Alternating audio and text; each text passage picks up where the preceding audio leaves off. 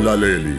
Ukhosi FM lunantokozo kwethulela nanku umdlalo ouchungechunge osihloko sithi isinqulo.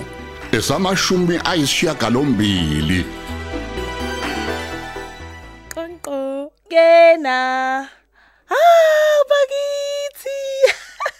ngajabula ukukubona azo. Uyaphila kodwa nganyami. Hawu bakithi bengalindele nokuthi uzofika kanti. Ngiyaphila ma unjani wena? Uyabona njengoba sekungene wona la eminyango sengivele ngayisiqongqwane ngaphila njengosheleni. Hayibo, awuzuma idlala ngami nje kodwa hawu. Sengenzeni kodwa mina ma ngoba phela ngiyazifikela, angiphethe la lutho nje. Ngabe ngcono kube khona mhlawumbe ngikuphathele kona ke nje. Uyabona nje nganyama ukufika kwakho nje ukunyathela kwakho nje la kuleli ndlu kubaleke kakhulu kabi kumina ntombi yami. Ngiyakholwa nokuthi ngempela ngempela uthunywe nguyu Ali noMahomed. Peace be upon him. Injani kodwa impilo ntombi yami? Hayi, siyancenga ma phela impilo iyancenga. Ah nganyama usho liphinde. Yabona lelo iphuze libaleke kakhulu nganyama. Impilo iyancengwa azo. Yebo. Ayifuni ukuthi uyiqhamazelele uyitatazelele. Ayihambe nje futhi kanjalo. Ya, Yabona mina ngike ngithi nganyama inyoni ayiqangi ngokufunda umndisi ekubeni izwe nokuthi impika zekho. Hawu, okay. Mm. Ube kubheke le nyoni le kuthiwa eh, kuthiwa yini upholi. Yabo leyo nyoni ethwala Ehhe, abelungu kakhulu. ngiyabona. Ihlala ngisho emahlombe. Uyifica igcaluze emagcekeni, igcaluze eminyango, igcaluze endlini. Ayicabanga nje ukuthi baleke. Hayibo, kanti suyingazizweni ukuthi amaphiko ayawekho? Mm. Hayibo. Angithi bayanqamula nje ukuthi phela impaphe zayo ingakwazi ukuthi indize. Oh. Ehhe. Uyazi wema mina, ehe, ngihlala ngitshela ukuthi lenyoni ziyaqeqeshwa phela ukuthi zihlale kanje zingasuki. Hayibo, kanti basuke benqamula impaphe. Manje ke mawusho, kwenzakala noma zikhule lezi nyoni? Ngabe ziyaqhubeka nokuhlala? Nanso ke indaba nganyama. Ayihlali ngisho ukuhlala ke. Ihamba ijubala lokwejuba lika Nobi ngaphindi ibuye. He, ngamanye amazwi umuntu, he, kumele aziqonde izimadlula kuzona ngithi ma, angafosi. Injalo ke into nganyama. Uyabona nje nganyama nakuwena nganyama uhlezi wazi ukuthi siyeza isikhathi sakho azo. Uyondiza nawe uyondizela phezulu. Wena okwakho kumele uthi ukwenze nje linda nganyama. Wow. Hayi, cha, sho kuyacaca ukuthi ngisizile ngempela manje ukuza la, bengizolithola kubani lo lwazi olungaka? Hayi nganyama khuleka. Yimina ke kodwa sesizakale kakhulu ngokufika kwakho azo. Ngibonga nje ukuthi ngitheme ngithi phuthuma uzongibona wasukumela phezulu. Futhi nje ngiyajabula nokuthi uzimisele ngokuthi ngisizakala njengo anti wakho. Yingakho nje ngithi wena ayi cha ngiyafunga impela. Ulethwe nguye uqobo Mohammed. Peace be upon him. Ey ukuba uzongisiza nganyama kulolu taku ngibhekele nalo. Ayi umshado wami nganyama uqhekekile. Ubi. Ngiyakuzwa ma, yazi. Kepha nje kuhle kusho ngisho iqinisa impela ngicela ukuthi hayi, lokho ufuna ngikusize kona ma, ayi akuhleli kahle kumina. Hayi ngiyakuzwa nganyama. Ya, ma ngisho kabi ukuthi nje eh angizange mina ngikhuliswe ngalezi zinto. Ikakhulukazi nje ma ukuthi ngithola seng- sengingene shi endabeni zabantu abadala. Hawu kahle ke bo. Ngicazana indlela osuyibeka ngayo. Kanti ubala ke nje lolunganyama. Okuhle nje la azo ukuthi uyasiza phela nawe usikube khona ukuzwana nokubuyelana phansi kwami nomyeni wami. kulungisa umndeni wethu uphindwe futhi ubumbane asikhulumi la ngokubulala umuntu onganyama Yeah. kepha sikhuluma ngothando nokubuyisana nokulungisa izinto so ngicela ukuthi nje ungalokhu uyikhathaza ngalento nganyama. Akho kubo kuzokwenzeka futhi akukho kubo wena okwenzile. Akufe umuntu la siyalungisa nje qha. Ngiyezwa ma, kodwa. njalo ke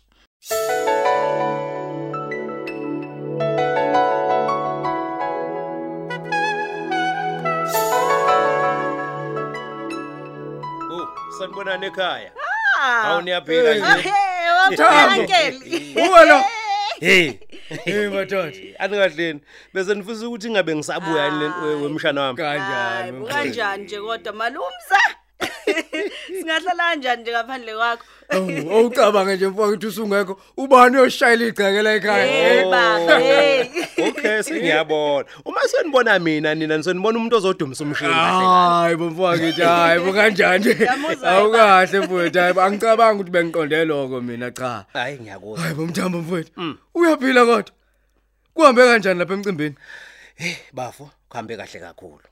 Hey, bengingayilindele mfowethu le nto engiyibone lapha nezwa. Bayabudla utshwala abantu basesahlombe Hayi mfowethu. bo, kukhona lapho ungadliwa khona utshwala mfowethu. Ngibona kuyifanele nje yonke le ndawo, lomhlaba wonke. Kona bekumnandi kakhulu. Aw, eh Zara, Eh malume. A- a- awuthathe lapha ke ntombi eh ukufaka ebhodweni hey iningi kakhulu inyama abanginike yona engifike Okay. nayo Eh, Angizothi njalo siyabonga malume. mfowethu siyabonga siyabonga awu anengiphuthume nuphu azothile ngabe usebelelene emaqhosheni njalo? Hayi hayi ukhona bafu ukhona loyo. Oh. eh usathe nje shelele la itole eh uzobuya khona manje uzobe ngena la endlini. Uyazi bafo bengilokhu ngicabanga njengoba ngibengile nesahlombe mfowethu. Awukahle u- uhambe kanjani kodwa umhlangano? Akuzange nje kube khona ixakaxaka nethikamezo mfowethu. Hawu bengayeke kodwa ukuphazamiseka umhlangano. Ehe. Hayi uyawazi nawe mfethu ukuthi hawu uhlezi nje kuzoba nezinkinga emhlanganweni ngaso sonke isikhathi. angazi ngempela ukuthi mina kusekumele kwenziwe njani ngempela. Hlezi nje khona into ekhona yabona madoda kodwa ayi Hayi. uyazi umhlangano weregion ubaluleke kakhulu kabi. Manje uma ngabe bewuphazamisa bathi inhlangano isuke izosebenza kanjani mfowethu Eh, uyabona nje abantu laba. kwamina nje Ayi, ngeke ngutshele ngixakekile nje kumanje. Mfowethu, xakeke ngiyafa.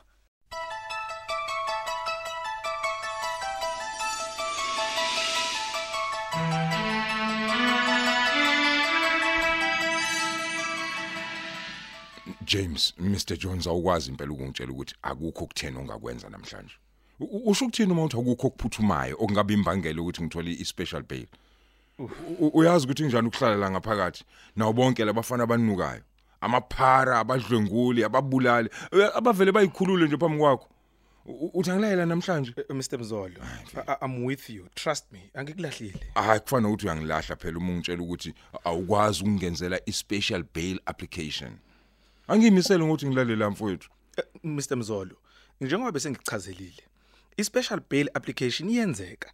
Kodwa kuya ngokuthi hlobo luni lwecala. Uya- Uyabona leli lakho lokuthi ushaya unkosikazi. Alikho hlwini lamacwala angakwazi ukuthi eh kulalelwe i-bail application yakho njengamanje.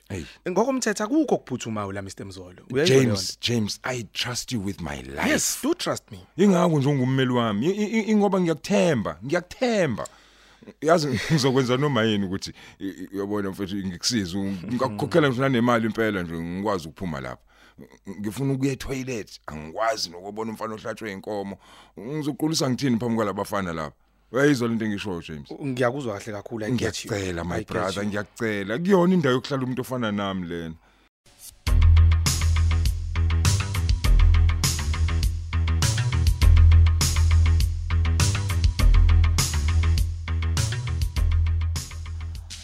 Uyabona ke nganyama kubalekile ukuthi kube semqondweni wakho ukuthi azo lokho okwenzayo nganyama akusikona nje ukuxamukela indaba zabantu abadala. Ngithi siyazwana? Yebo. izikhathi ziyashintsha phela.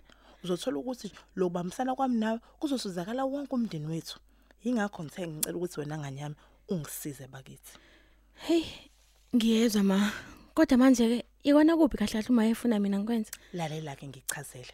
Into ebalekile la azothila ukuthi kumele ufake into engaka ngithi uyabo Yebo. ungadluli kule teaspoon angifuni ukuthi utholakala ethi uhamza nanguseyagula usephatha ukukhwehlela ongacacile esengithanda ngothando seleqile lungasachaze kwalona ngaze sekuphambane nekhanda Eh naso ke mama mina into ebengisabayo ma.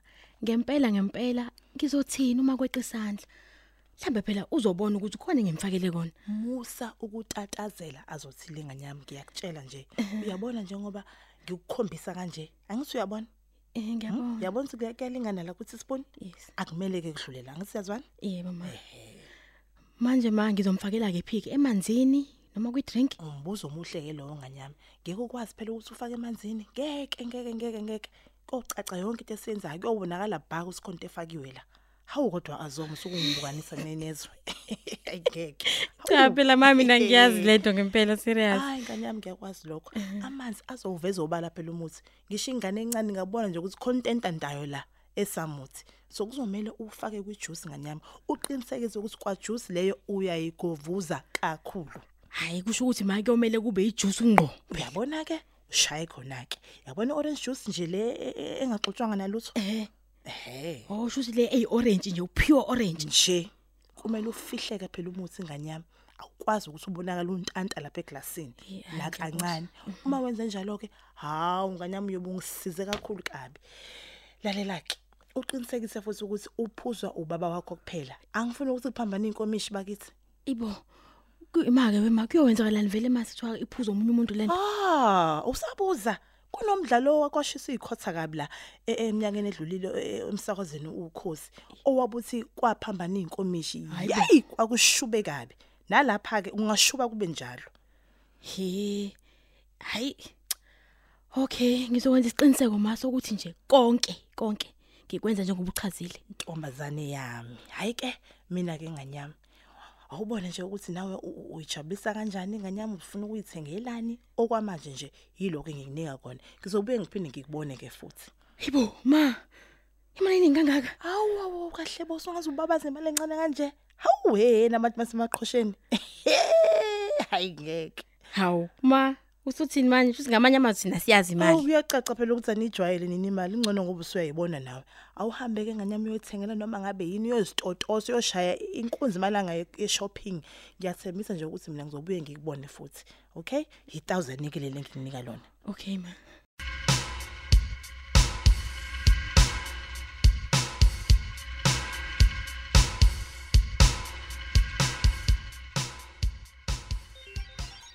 Eh, Mr Mzolo angiyichaze kahle lento akusikona ukuthi ngoba ng- ngifuna ukukhokhelwa imali enkulu. Lento ayihlangene neze nemali kodwa ayihlangene nomthetho ngqo. Ey. uyabona kunendlela ekwenzeka ngayo izinto la.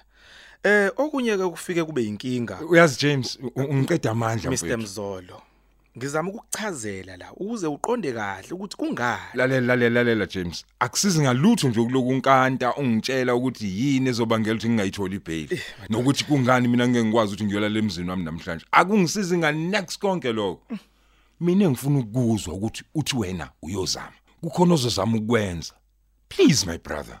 Izinto zakho lezi. I know you can do this. Mr Mzolo eh, nansi enye inkinga la Ah. Mr Mzolo Mr Mzolo kumele silalelane nami ngenza umsebenzi wami la uyabona uma ukwazi ukuzenzela mhlawumbe kuzofela u- u- uvele uzimele wena Cha cha Kuzofa uvele uzimele. Cha, my brother akunjalo mfowethu. Akusikona ukuthi angifuni ukukulalela. Ngiyacabanga nawe uyabona ukuthi ngaphansi kwencindezi engakanani James. Ngikholise kakhulu mfowethu uma kuzwakala sengazi ukuthi angikuhloniphe emsebenzini wakho. no man hey Yobe. ngiyakuzwa ngiyakuzwa uyazi inkinga ekhona la ukuthi unkosikazi wakhe akagcinanga ukuthi nje akuvulela icala lokushaya kuphela Hmm? hey ubuye wanxusa inkantolo ukuthi imnike protection order Ah ungayishi into enjalo i'm James. telling you Hayi madoda ekusobala ukuthi lo muntu wesifazane lo uqonda ukungihlinzela esibini. Ngithe ngizomenzani nje mina njengoba esefuna iprotection order. Ngithe ngizomenzani? A- angithi yona yonke lento engithi ngizama ukuchazela yona nje ububhoka ngolaka sibhekene necala le domestic violence la kanjalo futhi kunale protection order inkinga ke ngale protection order la isho ukuthi wena ngeke ukwazi ukusondela emzini wakho nalapho kukhona khona unkosikazi wakho uma kwenzeka uphuma ngebail Manje ngihlalephi? hey ake sithi uyayithola ibail la Mr Mzolo leyo bail izohamba nombandela wokuthi ungasondele eduze komkakho uyayizwa leyo nto Hayi akusiyona inkinga leyo James akulona iqathele ngangibinda.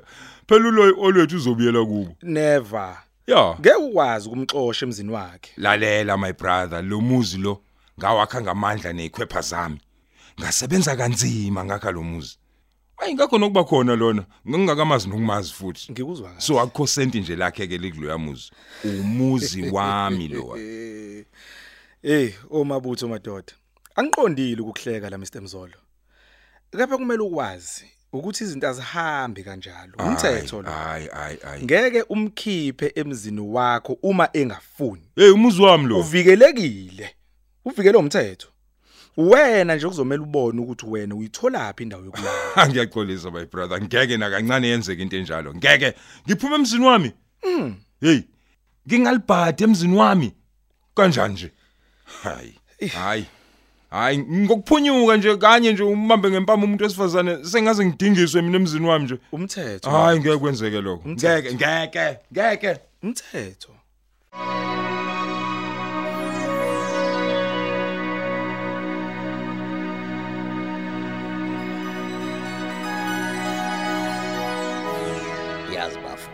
kuhle futhi ke ngithi ngiphinde ngixolise kuwena ngokungakwazi ukuba nawe kule conference. Hayi khulileka mfowethu ngiyajabula ke njengoba phela noma kube khona lobo hixi hixo bebukhona kodwa akukho monakalo wenzakele.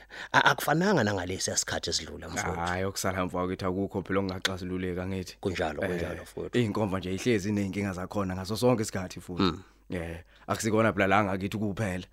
Ngisho i-national conference imbala futhi iney'nkinga zayo. kunjalo kunjalo Eh, Nkosi, yingakho kunjalo, nje mfowethu. uyawuthole sengenelela nabantu bomthetho angithi uyayibona into kanjani hayi ngiyakuzwa ayi ayi ayi ayi. Hayi yini manje? yazi angazi noma niyalizwa yini nina leliphunga engilizwayo.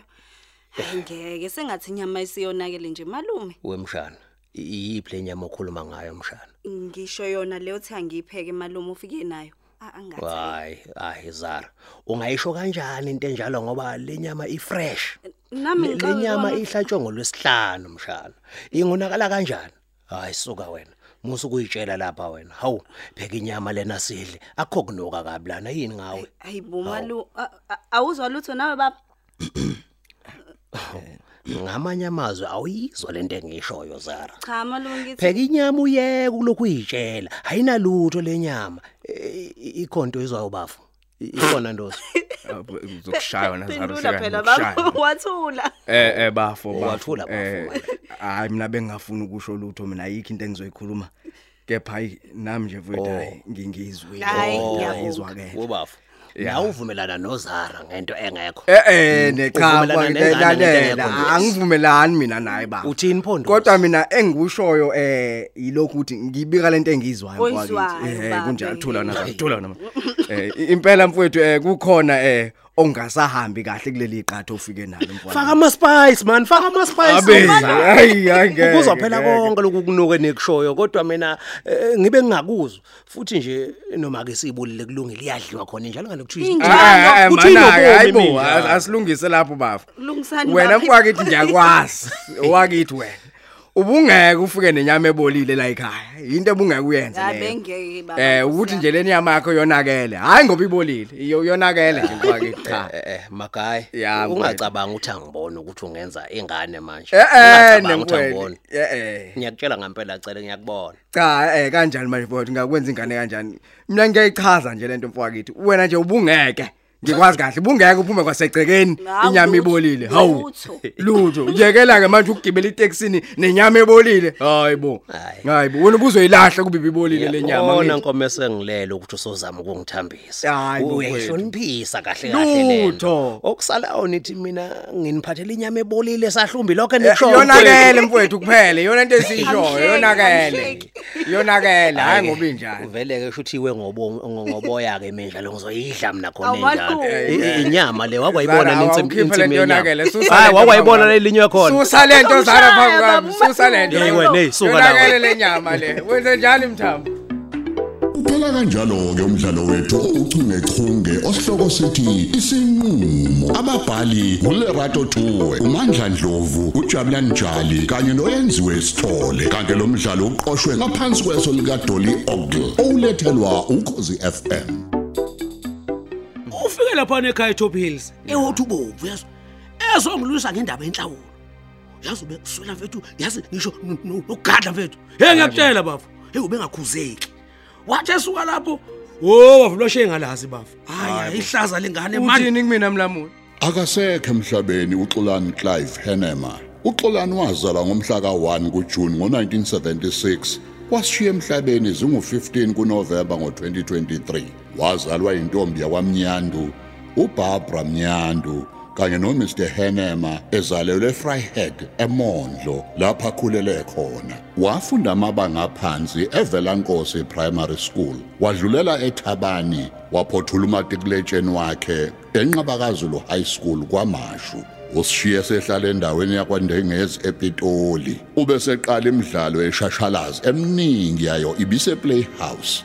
Okuyikhona lapho uthando lakhe lamaciko lwaqala khona. Ubeseqala imidlalo yomoya kukhozi FM ngo2015 evela kweminye imidlalo yomoya eminingi okubalwa kuyo izimpondo zenyathi kanye nesinqumo edlala indawo kaMlamuli. Siwukhozi FM kanye nedrama department sithi silahlekelwe silahlekelwe ikhono elikhulu kuwemfowethu. Lala ngokuthula xolani sixaxa henema uyibekile induku ebandla.